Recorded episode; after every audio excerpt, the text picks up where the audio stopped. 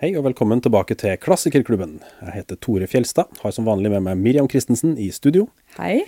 Og i dag så ønsker vi velkommen tilbake til Frida Forsgren, kunsthistoriker. Velkommen. Tusen takk. Det er en stund siden du var med oss uh, forrige gang. Det tror jeg har gått et helt år. Ja, det har faktisk det. Jeg så det i kalenderen. Det var et år. Ja. Du er jo kunsthistoriker, så du pleier jo som regel å velge ut en uh, bok som både har, har noe litterært ved seg, men også noe Eh, med billedkunst å gjøre. Hvilken er det vi skal snakke om i dag? I dag er det Cora Sandels 'Alberte og friheten', som jo mm. er en kunstnerroman. Det er det andre bindet i hennes trilogi om eh, Alberte, som jo ønsker så sterkt å bli kunstner. Mm. Kan du gi oss et lite sånn, eh, Nå har du jo egentlig begynt, da, men kan du gi oss et lite sånn uh, omriss om hva, hva handler en roman her om? Hva er det, Hvem er karakterene, hvor, hvor foregår det og sånne ting? Altså, vi møter jo Alberte. Alberte har akkurat kommet til Paris eh, i bind to. Og hun har da forlatt eh, Tromsø og denne litt sånn, eh, hva skal vi si strenge, særlig mammaen, da, i barndomsbyen, og ønsker da å realisere seg som kunstner i Paris. Og vi, vi, vi hører at hun har fått 800 eh, kroner som er skrapt sammen av onkler og tanter i familien. Eh, og hun kommer da og, og begynner å installere seg og begynner på, uh, på Kunstakademiet. Uh, Colarossi og Chaumier regner vi med at hun er i denne kunstnerkretsen og, og er, er, maler. Og vi leser om at hun bor på billige hoteller, pensjonater, og um, men hva skal jeg si, først og fremst liksom driver mye dank. altså Hun finner liksom ikke helt ut av det. Og boka handler om denne at hun liksom hun er en slags sånn flanør, da. Sånn, sånn, en, en vagabond som, som, mm. som, like mye på en måte strever med hva skal Jeg si, jeg tenker liksom strever med sine indre demoner. Hvordan hun skal forløses som kunstner mm. i den her flytsonen. Så, så, boka handler om det, og karakterene hun møter, motstanden inni seg, og først og fremst veldig mye om denne også kampen for tilværelsen. Det er eh, veggdyr, og det er eh, ja, mus, og det er eh, vann i vaskevannsfatet, og det er veldig mye handler om å opprettholde en slags sånn verdighet for seg selv i dette, dette, dette kunstnerlivet. Mm. Så det er en, sånn som jeg opplever det, en veldig sånn intens skildring av dette, av livet, rett og slett. Dette kunstnerlivet. Mm.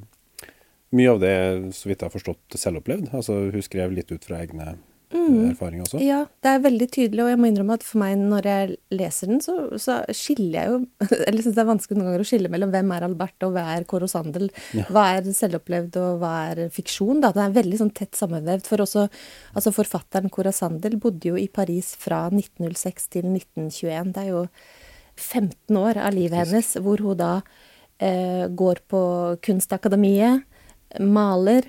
Stiller aldri ut, men vi vet at hun ja, maler og samtidig skriver eh, korrespondanser som hun sender hjem, og også eh, skriver på disse små utdragene, skisser, eh, på, på, tekster som senere da mm. vi regner med blir inkorporert i denne, denne, romanen.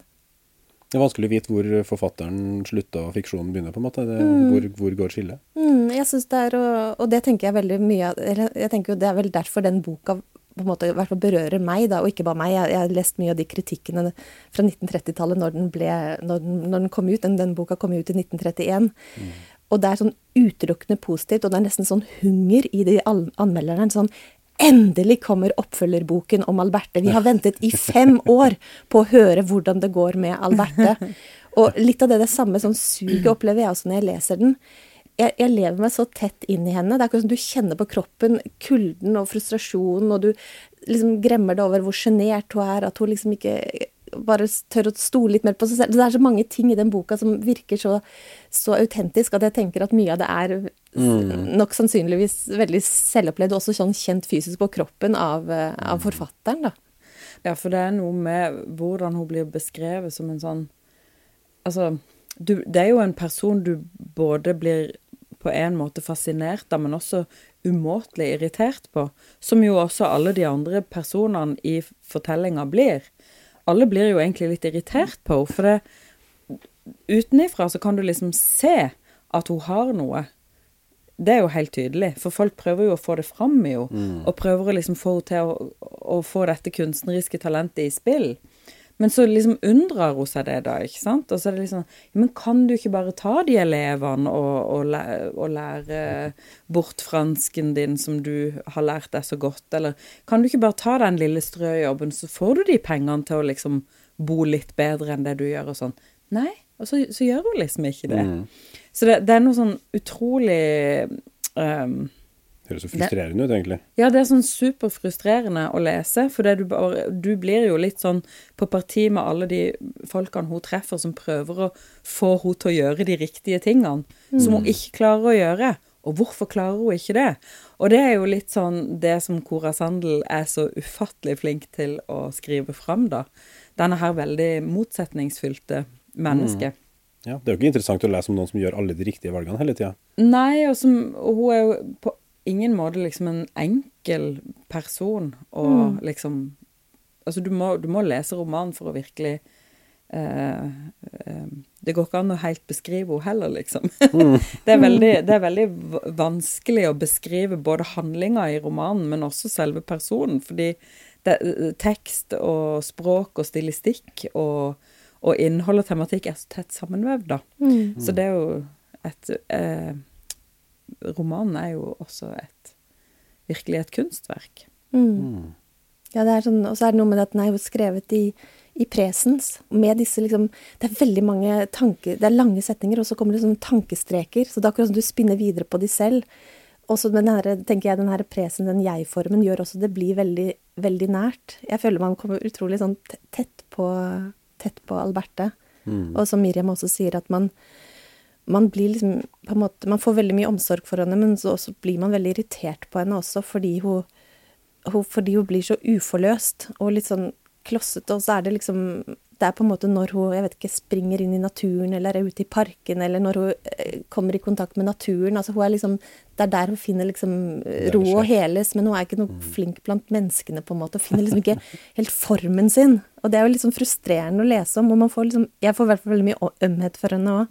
Hun er en sånn skikkelig outsider-karakter. En skikkelig sånn modernistisk outsider-skikkelse.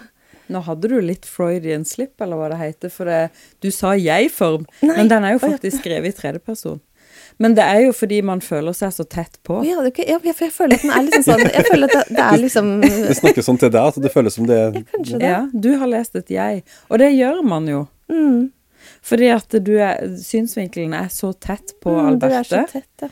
Uh, at uh, jeg tenker du har lest Cora Sandels jeg inn i teksten. Ja, Jeg har, Eh, lest, jeg, har liksom, jeg har levd meg utrolig inn i denne, Mm. denne boka, altså.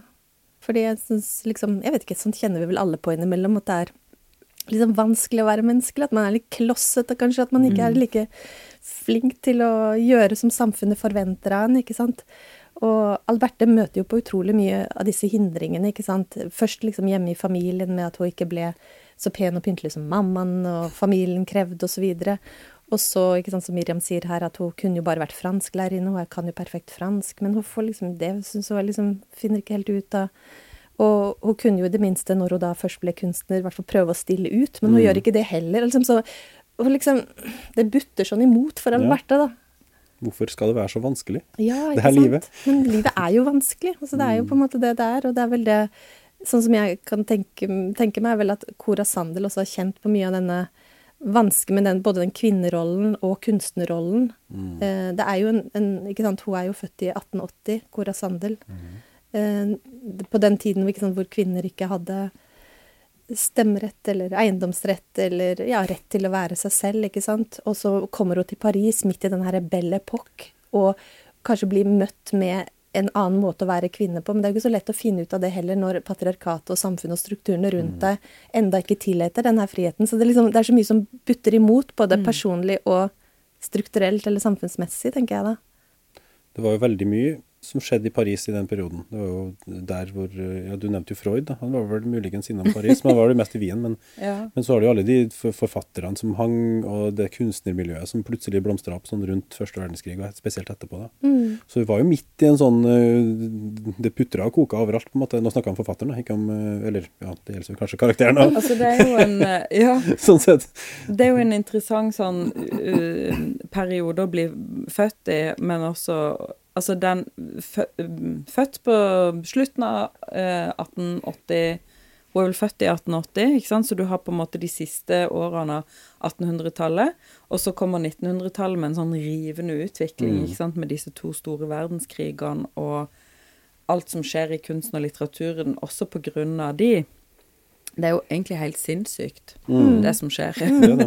altså, det, det, skjer, det skjer ufattelig mye i kunsten og litteraturen på denne tida, med modernismen og ja, altså, veldig sånn motsetningsfylte strømninger, ikke sant, som skal Som um, sprenges mot hverandre, på en måte. Det er jo en uh, karakter i, i og friheten, den en av disse venninnene til Alberte, som heter Liesel, som har sånn som program at hun er ikke kubist, i hvert fall, liksom. Så det er sånne Det er sånne Steile fronter, liksom.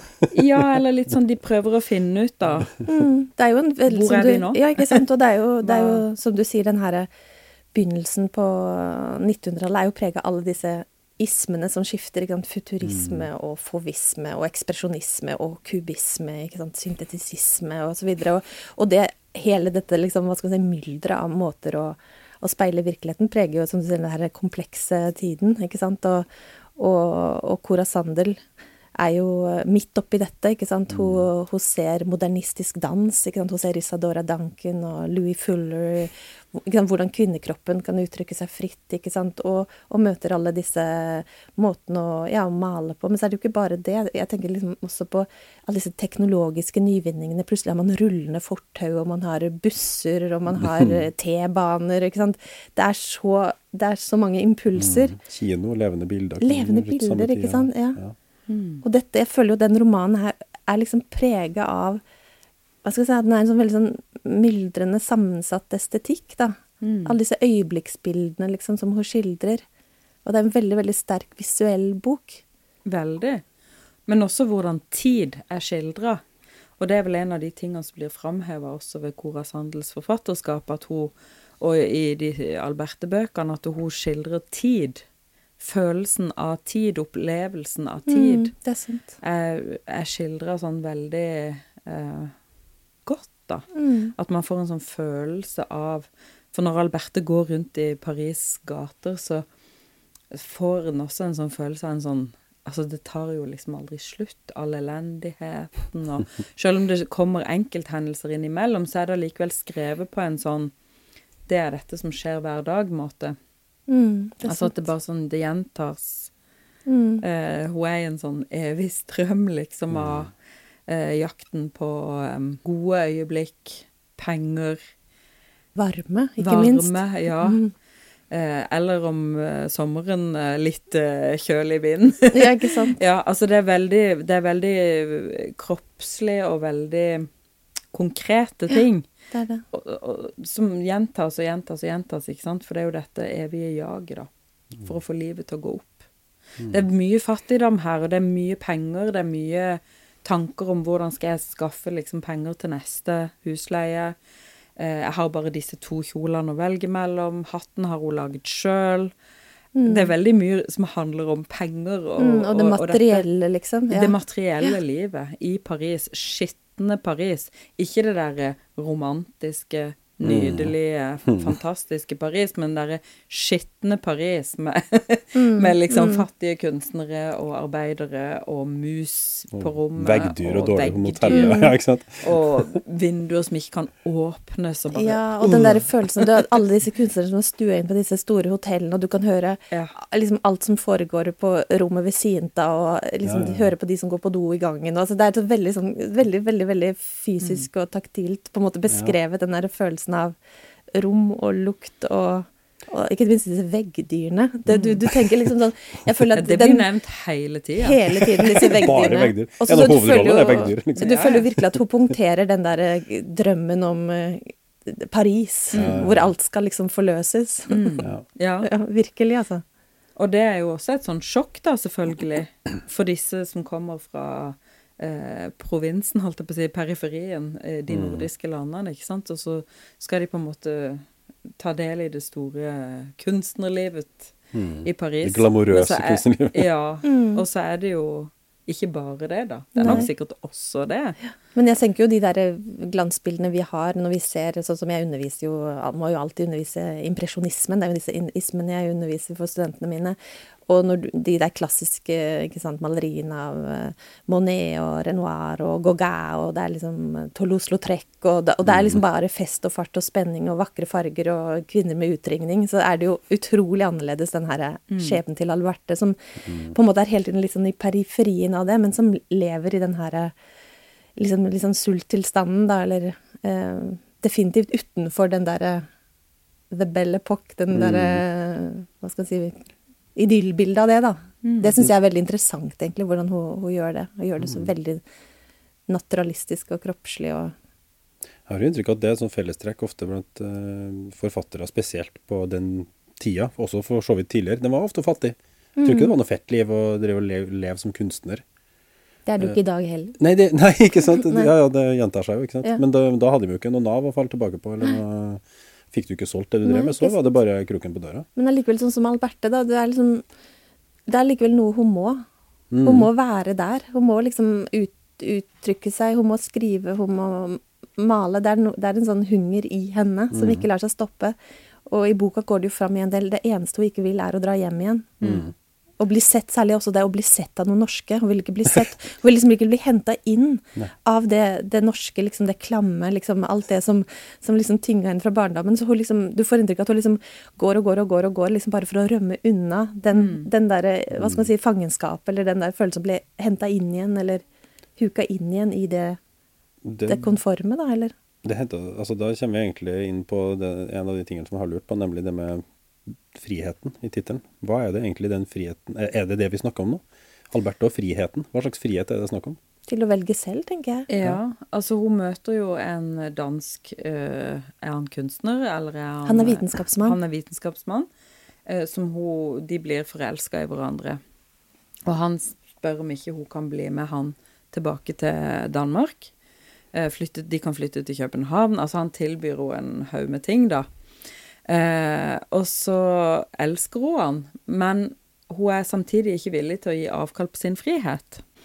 Og så eh, sier han til hun, nå må jeg sitere, det kan ikke vedblive sådan, Alberte, ikke en måned, knapt nok en uke lenger, der må ordnes noe for deg.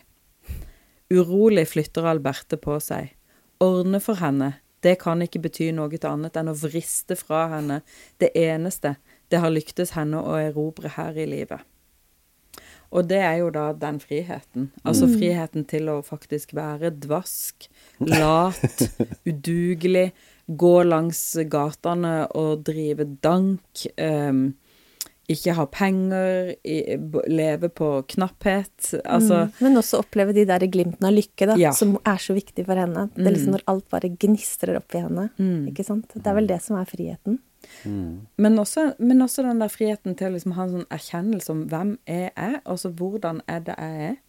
Og da er- ligger det jo noe der med at hun, hun er jo ikke en person som kan få de øyeblikkene hele tida.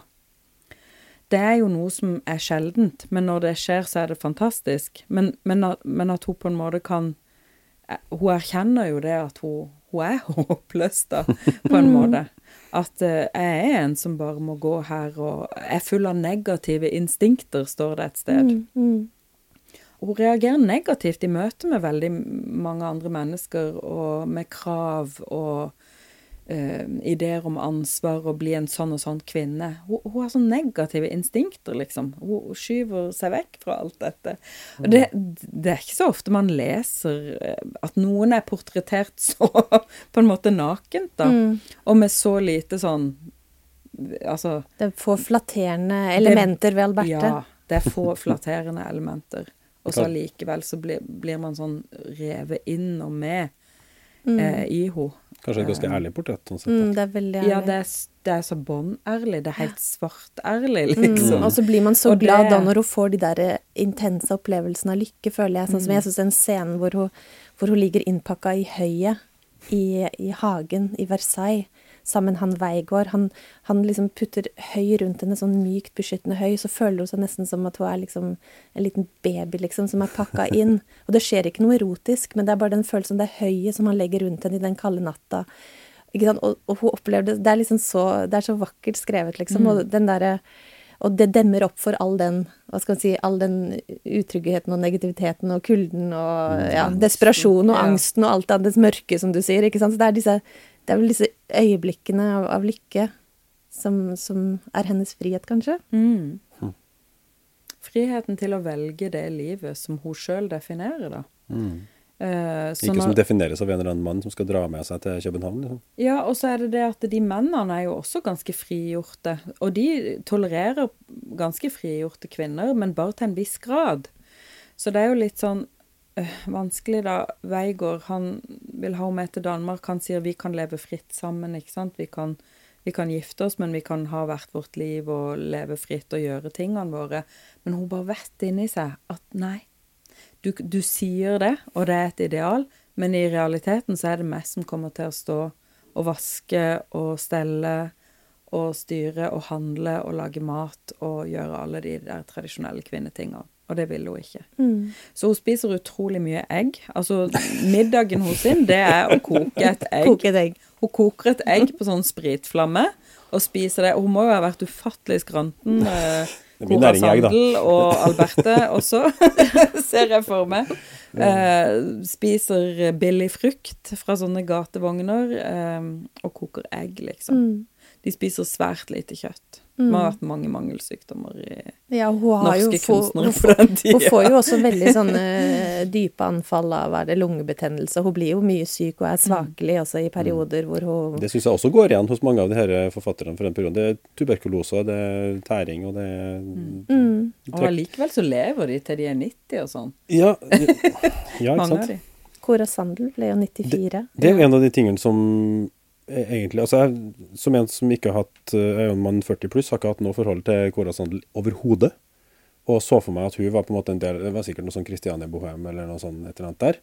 Eh, Jeg ser at hun var jo faktisk elev av både Harriet Backer og Christian Krogh, så det er jo en sånn, det er noen koblinger der, da. Men jeg var jo sjokkert over at hun døde i 74. Hun levde jo kjempelenge. Mm. Og det var da, i 90, når hun var 94, hadde hun også sin debut som kunstmaler på Valdemarsudde i Ja. Stockholm. For det var en av de tingene jeg tenkte jeg skulle Så, liksom, Ja. så debuterte hun som maler, da. Ja, hva var det som For det går igjen både i altså Alberte og Cora Sandel. Altså, de maler, de er opptatt av kunst, de utdanner seg i kunst. De drar til, fra liksom, Norge til Paris for å utdanne seg som kunstner. Men, men hvorfor stiller de ikke ut bildene sine? Hva, hva, hva, hva er greia der? Nei, altså når det gjelder eh, altså, Alberte, så merker du jo bare at hun, hun blir liksom aldri fornøyd.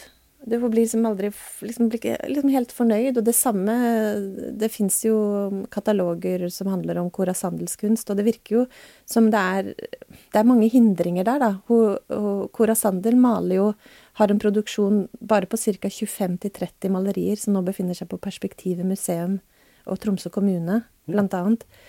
Og det som kjennetegner de maleriene, er at de er malt i en sånn kjempefrisk, koloristisk, deilig, lett stil. Liksom det er på en måte Paris opp av dage. Men også de maleriene er ikke helt ferdigstilt. Liksom, noen er ferdig, men de er, de er akkurat som de er flyktige. Det er akkurat som de ikke lander helt. Og hun sier også selv at hun ønsker jo helst å bli maler. Det er det hun vil. Jeg vil bli maler, men jeg ble det ikke. Og da er det jo alle disse forskjellige hindringene da, som, som, som, eh, som jeg også tenker kanskje Det er annet en historie som jeg syns er veldig sterk, som handler om hun gifte, Cora Sandel da, gifter seg jo med mm, en billedhugger som heter Jønsson. Og sammen så deler de atelier sammen og, og bor sammen. Og under et veldig fruktbart studieopphold i Firenze så, så maler hun mange av sine, sine fineste malerier. Men da de skal vende tilbake til Paris, så blir hennes malerier, altså Cora Sandels malerier, de blir brukt til å stoppe kassene til billedhuggermannens eh, verk, og ender opp da svært skada i transporten og får masse hull og perforeringer. Og det tenkte jeg, tenker jeg er ganske sånn symptomatisk på hvordan mye av altså kvinnekunst, kvinnelig kunstnerkoners kunst blir behandla. Det er jo bare, det er jo bare irriterende. det er veldig Ja, men så er det jo altså. det er liksom motstand hva skal vi si, motstand i deg selv, i samfunnet, i patriarkatet fra ektemannen. Altså det er så mange hindringer her som, som kanskje kan forklare hvorfor hun, hun ender opp med å ikke stille ut og male, og ikke bli en sånn stor maler som hun hadde tenkt. Men for å konkludere så tenker jeg at det, det maleriske er jo så til stede i romanene, da. Og hun bruker jo det som en veldig sånn impuls eller metode i måten disse, disse, ja, disse karakterene og stemningene lever på i romanen. Det er veldig, veldig et veldig visuelt språk, kan man si det? Kolonistisk og visuelt. Det er tydelig at du er maler når du ser hvordan Ja, du skriver, på en måte. Så all denne hva skal vi si, eh, læretiden hos Harriet Backer og hos Christian Krogh og på Colarossi videre, det bor jo videre, det lever jo videre i, i, i tekstene, tenker jeg. I en annen form. Ja. Ja, i en annen form. Men så er det jo også litt sånn uh, borgerskapets kvinner. Det vet vi jo helt ifra disse kostymedramaene vi nå ser på film. Men sånn Jane Austen og alle disse her, ikke sant. Når de uh, tilhører et visst segment av samfunnet, så skal jo kvinner både kunne skrive vakre brev, men også brodere, male, tegne, synge, spille. Alle de her tingene. Så uh, sånn sett så er det jo naturlig at disse kvinnene både kan male og skrive. Men de skal jo på en måte ikke ha noen sånn profesjonsvisjoner sånn, ut av det. på, Nei, ikke det er sant? mer en dannelse, ikke Ja. sant, Ja. som tilhører en viss klasse, enn at man skulle leve av det. Og det er jo her det liksom butter imot for veldig mange, og det er jo derfor vi kjenner til mm, langt færre kvinner enn mannlige eh, malere i den, denne perioden og andre perioden. Men så Cora Sandel er vel også akkurat i denne brytningstida hvor disse eh, tradisjonelle kvinneidealene begynner å liksom krakelere veldig, da. Mm. At mange kvinner begynner å slå ut de dørene og ta den plassen. Mm. Det er vel akkurat da det begynner å skje. Det er jo det, ikke sant, for man kan jo ta en parallell til Harriet Backer, da, som Cora Sandel studerte hos. Eh, Harriet Backer måtte jo gå på sånn privat malerskole, for hun var kvinne, fikk ikke tilgang på liksom, akademiet, ikke sant. Men Cora Sandel kunne jo gå på sånn som Colarossi og den eh, andre malerskolen der, fordi det var åpent for kvinner. Hun kunne Nå var det åpent, liksom. Ja, ikke Ja. sant, på dagen i 19, rundt 10 da, så var det åpent for kvinner. Så noe hadde jo skjedd, som Miriam sier, på de årene. Og da kunne jo Cora Sandel og Alberta også, de kunne male eksempel akt. De kunne liksom ta del i den, den verden, ja, det var å bli maler, ikke sant? Uh, og lære seg det håndverket, som da kvinnene bare i en generasjon tidligere ikke hadde Det er jo noen veldig fine beskrivelser av liksom kunstnerskap og altså kreativitet og det å bli kunstner. Eh, Særlig denne venninna som heter Liesel, som jo maler sjøl, men som eh, også er kanskje litt uheldig, da, forelska i en svensk pilleduger, faktisk. Um, altså, hun, hun prøver å Hun maler og maler og tegner og tegner, men så når hun liksom skal ferdigstille maleriet, så skjer det alltid noe sånn trøblete helt på slutten. ikke sant? Hun klarer å klosse det til, liksom. Hun gjør en eller annen sånn Legger på en ekstra farge, eller, eller skal bare tegne noe, en sånn siste detalj, og så ødelegges liksom hele bildet. Og de beskrivelsene der er veldig gjenkjennelige for noen som Altså, det, det er en sånn ekte kunstnerroman. Jeg tror det er veldig mange kunstnere som kan kjenne seg igjen i akkurat den eh, beskrivelsen der, da. Av det der Når stopper du? Når er bildet ferdig? Eh, alle disse herre eh, Hvor kommer liksom den vissheten fra, da? Og så viser det seg jo etter hvert at Liesel faktisk er ganske god, da. For at når hun blir stilt ut på en sånn eh, slags eh, sånn høstsalong, eller hva det heter, så, så er det Liesels bilde som får en fremtredende eh, plassering på utstillinga, mens han hun er forelska i, han skulptøren, som jo på en måte alle har tenkt at det er jo han det handler om, men hans skulptur blir stående i et hjørne. Og da er det liksom sånn, ja, men da må jo han bli kjempesint, ikke sant? For det at han blir satt i et hjørne, og hun får en fremtredende plass. Og det er jo litt sånn Cora Sandels måte å vise fram dette på, da, med hvordan kanskje da at det faktisk skjer noe der, da, med kvinners kvinners Posisjon. posisjon. Og også At de på en måte Ja. får lov å ta litt mer plass, da. Og også så speiler hun den brytningstiden også som skjer akkurat i denne perioden i modernismen. ikke sant? Bort fra det figurative og fortellende og ganske sånn statiske mot den her liksom mer friere formen som kanskje er mer i takt med det samfunnet. Og da ender du jo kanskje opp med disse formene eller maleriene som ikke alle helt skjønner, men så kanskje det er noe ja, noe friskt og impulsivt her, da, som i hvert fall Liesel klarer å, å fange. Og som jeg tenker også eh, Cora Sandel fanger også i sine beste, beste Hvis du malerier. blir ferdig med, eller som ja, nærmer ja, det er en sånn, sånn frisk liksom noe sånn friskhet. Så tenker på særlig noen av de veldig sterke kvinneportrettene hun maler fra Bretagne. Med sånn kvinner med veldig sånn Ja, de er veldig godt sånn godt sett, da. Ikke sant? Sånn veldig sånn fint persongalleri. Ja, og det, akkurat det med blikket til Cora Sandel, det er jo faktisk også veldig viktig i denne romanen. Hun har et blikk som har sett, men hun kan se mennesker veldig tydelig, da. Mm. Og de er veldig sanne, de menneskene som opptrer i denne her romanen. Det er ikke sånne fiksjonskarakterer Nei. Du tror utrolig måten. på dem. Du liksom ser de sånn for deg. Du skjønner liksom akkurat Å ja. Mm. Det er liksom Hun, ja. hun, hun har sett de- mye Fanger dem i veldig godt, liksom. rundt seg. Ja, Ja. virkelig.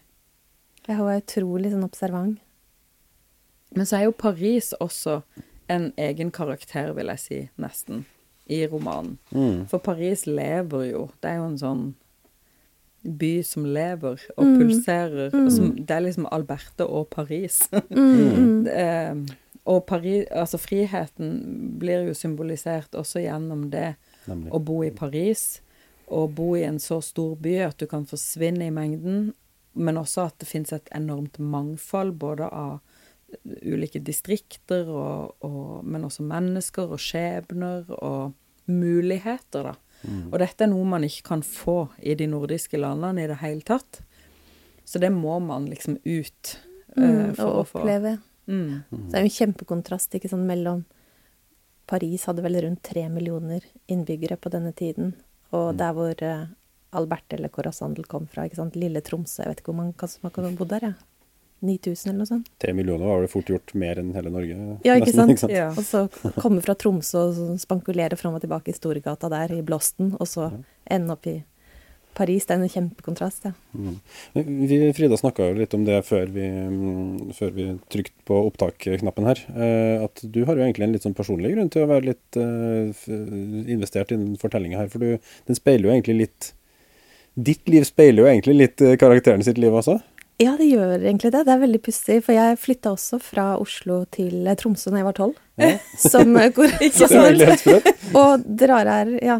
ja men, og hun også um, dro jo derfra når hun var eh, 20, altså 24. Det gjorde jeg også, faktisk. Eh, og jeg, jeg kjenner meg veldig igjen i den derre å komme, være søring. Være søring i Tromsø. Og liksom ikke skjønne helt kulturen, liksom. Og liksom bare skjønne at ok, her er det liksom Det er de viktige byene man skal forholde seg til, og liksom det er hierarki der og sånn. Og så kjenner jeg meg veldig igjen, for jeg ble også så utrolig glad i naturen i Nord-Norge. Liksom når sola kom tilbake, og varmen fra den, og det er liksom fjellene og Så jeg har mye sånn, sånn der, Sånn at det var mye sånn gjenkjennelse liksom i det der å være ung et sted man ikke helt skjønte, og så lengte ut. Jeg husker jeg lengta så utrolig bort bak fjellene, bak de der Balsfjordfjellene. Ja. Og jeg dro jo ikke til Paris, men jeg dro til Roma, og jeg bodde veldig mange år. Og likte den her, den her greia med at jeg bare forsvant, at ingen kjente meg. Ingen visste at jeg, om jeg var fetteren til den, eller om jeg handla på den butikken, eller liksom sånn. Jeg kunne bare akkurat som jeg ville. Men det skriver hun jo også at eh, det er jo grunnen til at Alberte ikke vil omgås de norske Ja. i Paris. For dette der går ryktene så sinnssykt fort, ikke sant? Og de kommer jo hjem til Norge med en gang. De opplysningene som de andre nordmennene da vil fange opp om det, de vil reise kjapt opp liksom nordover. Så at hun bare unndrar seg alt det, for hun vil jo liksom ikke at noen skal vite noe om henne. Nei, hun vil ikke være- kjennes, hun vil være helt anonym. Hun vil være helt anonym og bare drive gatelangs og være denne flanøren, da. Ja, ikke sant. Som, eh, som bare går rundt og suger til seg og tar inn. Mm. Og derfor er hun jo med russerne og østeuropeerne og sydamerikanerne. Hun liksom velger bevisst ikke sant, de andre enn, mm. som Miriam sier, de, de norske. For da plutselig vet de det i Tromsø. Ja. Ja. Hva er det de får med seg av veggdyr og av fattigdom? Og, ja. um, det her er en del av en trilogi. Det er jo et livsløp nesten som, som fortelles. Hvordan forholder denne boka seg til de andre? Hva er det som Jeg tenker at man godt kan lese denne frittstående. Man må ikke lese de andre. fordi at dette er jo på en måte hva skal man si, dette er jo Midtholmen og handler liksom så konkret om den kunstnerdrømmen og livet hennes i Paris. Og det knytter det jo, knytter jo også til det som skjedde i, i, i første bok, i oppveksten. Men sånn som jeg tenker, så trenger man ikke nødvendigvis å lese den eller den siste boka for å, å få et godt blikk av Alberte, liksom, og hennes jag og søken og behov for frihet, da. Ja, for det, så Den første boka er liksom oppveksten i Norge, og så er bok to foregår i Paris, som er liksom friheten. da. Mm. Men bok tre, altså, da er det liksom tilbake inn i fangenskap, jeg sagt. Altså, Mm, det er jo etter og- eh, hun, hun, hun gifter seg jo og får et barn, og så Mm. handler siste boka om, eh, om dette livet, da. Og, og at hun til slutt velger da faktisk kunsten og de omkostningene det har for, for henne. Ja, for der også speiler jo speiler boka altså biografien til forfatteren. Altså gjør det. gifte seg, flytte til et nordisk land og skille seg igjen. Ja, ikke sant, for det er jo det Kåre Sandel drar jo til uh, Sverige og gifter seg med en svensk eh, han Jønsson der, og de drar til Stockholm. Og kort tid etter så, så skiller de seg, og så blir det jo en rettssak om hvem som skal ha uh, omsorg for sønnen Erik. Eh, og så drar jo eh, Kåre Sandel da nordover for å, å jobbe som fransklærer, og får etter hvert omsorgen. Men det blir jo et det blir jo også et sånt kjempende liv, hvor, og hun velger jo til slutt liksom kunsten, da. Mm. Jeg blir jo litt interessert i altså, det videre livet til Cora Sandel også. Altså, det er vel skrevet biografier, vil jeg tro, som det går an å, å finne ut mer. Ja, det er eh, Janniken Øverland skrevet en kjempefin eh, biografi om Cora Sandel som jeg absolutt anbefaler. For jeg syns hun skriver Det er liksom absolutt ikke en sånn tørr akademisk biografi. Det er veldig levende, veldig sånn skjønnlitterært og drivende skrevet, som gir et kjempegodt bilde av henne. Og så vil jeg også, øh, for de av dere som skal til Tromsø, så må dere besøke Perspektivet museum, som jo nå forvalter samlingen, altså malerisamlingen, og veldig mange gjenstander fra Cora Sandels liv. Så det er jo et utrolig flott sted hvis man vil komme i kontakt med, med både historien om Alberte, men også særlig øh, forfatterskapet til, og kunstnerskapet til Cora Sandel. De har gjort veldig mye interessant, viktig arbeid nå, særlig de siste årene. Og så tenker jeg jo at hvis en er interessert i det Paris-miljøet og kunsten på begynnelsen av 1900-tallet, så er jo 'Alberto friheten et kjempefint sånn tidsdokument fra den tida. Et sted Men- å begynne, liksom. Ja, men så er det også den eh, Jeg tror for meg er det det som står mest igjen. Selv om det er all kunsten og alle de kjempespennende historiene rundt det, så er det det derre sinnet til Alberte jeg sitter igjen med. Det, den, den personligheten, det, det sinnet, det som foregår i, den, i det mennesket, det er noe av det mest eh, fascinerende. Og jeg, jeg skjønner hvorfor anmelderne satt og venta på neste bok om Alberte. For det er virkelig et sånn menneskeportrett som ikke du, du Jeg tror ikke det går an å glemme det igjen, liksom, etter man har Det er Har lest det er veldig unikt. en, en veldig sterk personlighet, på en måte. Mm. Så det er kanskje noe av det som er og, og, Men også det stilistiske ved språket til koras handel som er Det er så presist. Ja, det er, en fry, det er en fryd å lese. Selv om det er litt sånn gammelmodig språk, da. Det må du liksom bare trenge litt igjennom først, og så kommer du inn i det, og så flyter det. Det ledes jo egentlig inn i det spørsmålet som alltid pleier å stille på disse programmene. Det er jo liksom, hvorfor skal vi lese den her i dag? Det er jo en bok som beskriver en periode og sånn, men hva er, gjør, hva er det som gjør at en leser i dag vil være interessert i å plukke den opp? Jeg vil jo si at det, var, det er det fordi den er så utrolig levende skrevet. Den, jeg opplever den som utrolig sånn relevant og aktuell for, det, for å være kvinne i dag. Liksom det der å kjempe med egne demoner og kanskje ikke passe inn i et samfunn. Eh, sånn opplever jeg det eh, veldig. Eh, at den vil ha like mye aktivitet for en kvinne i dag. Og så er det det Miriam også er inne på, at jeg syns den er utrolig fin som et sånt portrett for å forstå det der modernismens Paris. Liksom litt mer sånn fra innsida, ikke det der glansbildet som du ser hos Renoir og Degas osv., men virkelig sånn hva det må ha vært å faktisk leve der. Og Ja. for, de kunstinteresserte, da, så er det absolutt et superpluss. Og så rent sånn psykologisk. altså det, Vi lever jo i et sånn prestasjonssamfunn, og Alberte er jo ei som unndrar seg liksom prestasjonsjaget, da. Og det å liksom skulle bli noen, og, og beskriver psykologien i det veldig fint, da, eh, gjør Cora Sandel. Det er kanskje noe for uh, vår, generasjons, uh, vår generasjon prestasjon. jeg har Som prøvd å de få unge i dag. ja, Slutt å prestere. Jeg har en datter på 17 og jeg prøvde, du må lese Alberte, liksom. Du har så mye du kan hente hos Alberte. Det er liksom Ja. sånn, ikke sant, istedenfor eh, sånn, hva heter det, sånne øyevipper, falske øyevipper og Altså, og liksom, ja, men sånn bleka hår og det å være Alle er jo så like nå, alle tenker så likt, og ikke sant, sånn Mens Alberte, som du sier, liksom går sånn skikkelig sine egne veier. Hun bruker lang tid på å finne ut av det, men hun er i hvert fall utrolig sånn søkende i det, da. Det er veldig fint. Hun bruker utrolig lang tid på Ja. å finne ut av ting. Og det er helt sånn fantastisk beskrevet hos Cora Sandel. Altså det er, det er virkelig noe av det jeg sitter igjen med. Den her personen som på en måte eh, Hva er det som skjer når du liksom føler egentlig at du må, må, må, og så bare ender du opp i sånn frysmodus, liksom? Det klarer hun virkelig liksom Mm. pinpointe, da. Mm, og det er jo noe Gjennom sånn beskrivelsen ja, av sant? Alberte. Og tenk på, det har jo overføringsverdi til alle våre liv, for det er jo så mye vi skal rekke. Vi skal liksom sånn, vi skal liksom rekke det og gjøre det, og det består jo bare utrolig mange gjøremål.